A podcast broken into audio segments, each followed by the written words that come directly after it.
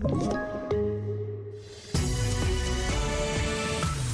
TV4-nyheterna börjar med nyheten att kontanter och värdesaker för 4,7 miljoner kronor. Så mycket har Kronofogden i Skåne hittills drivit in från kriminella.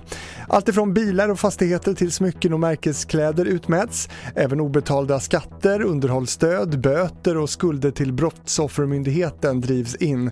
Och indrivningen är ett samarbete mellan polisen, Ekobrottsmyndigheten och Tullverket, skriver TT.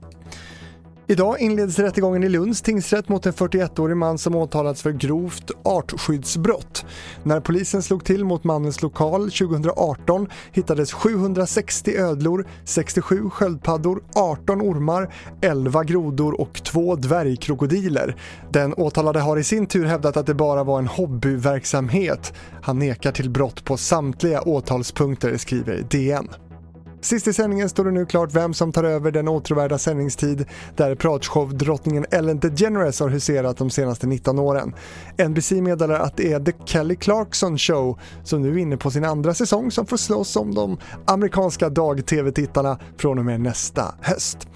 Det här var TV4-nyheterna med Fredrik Rahlstrand.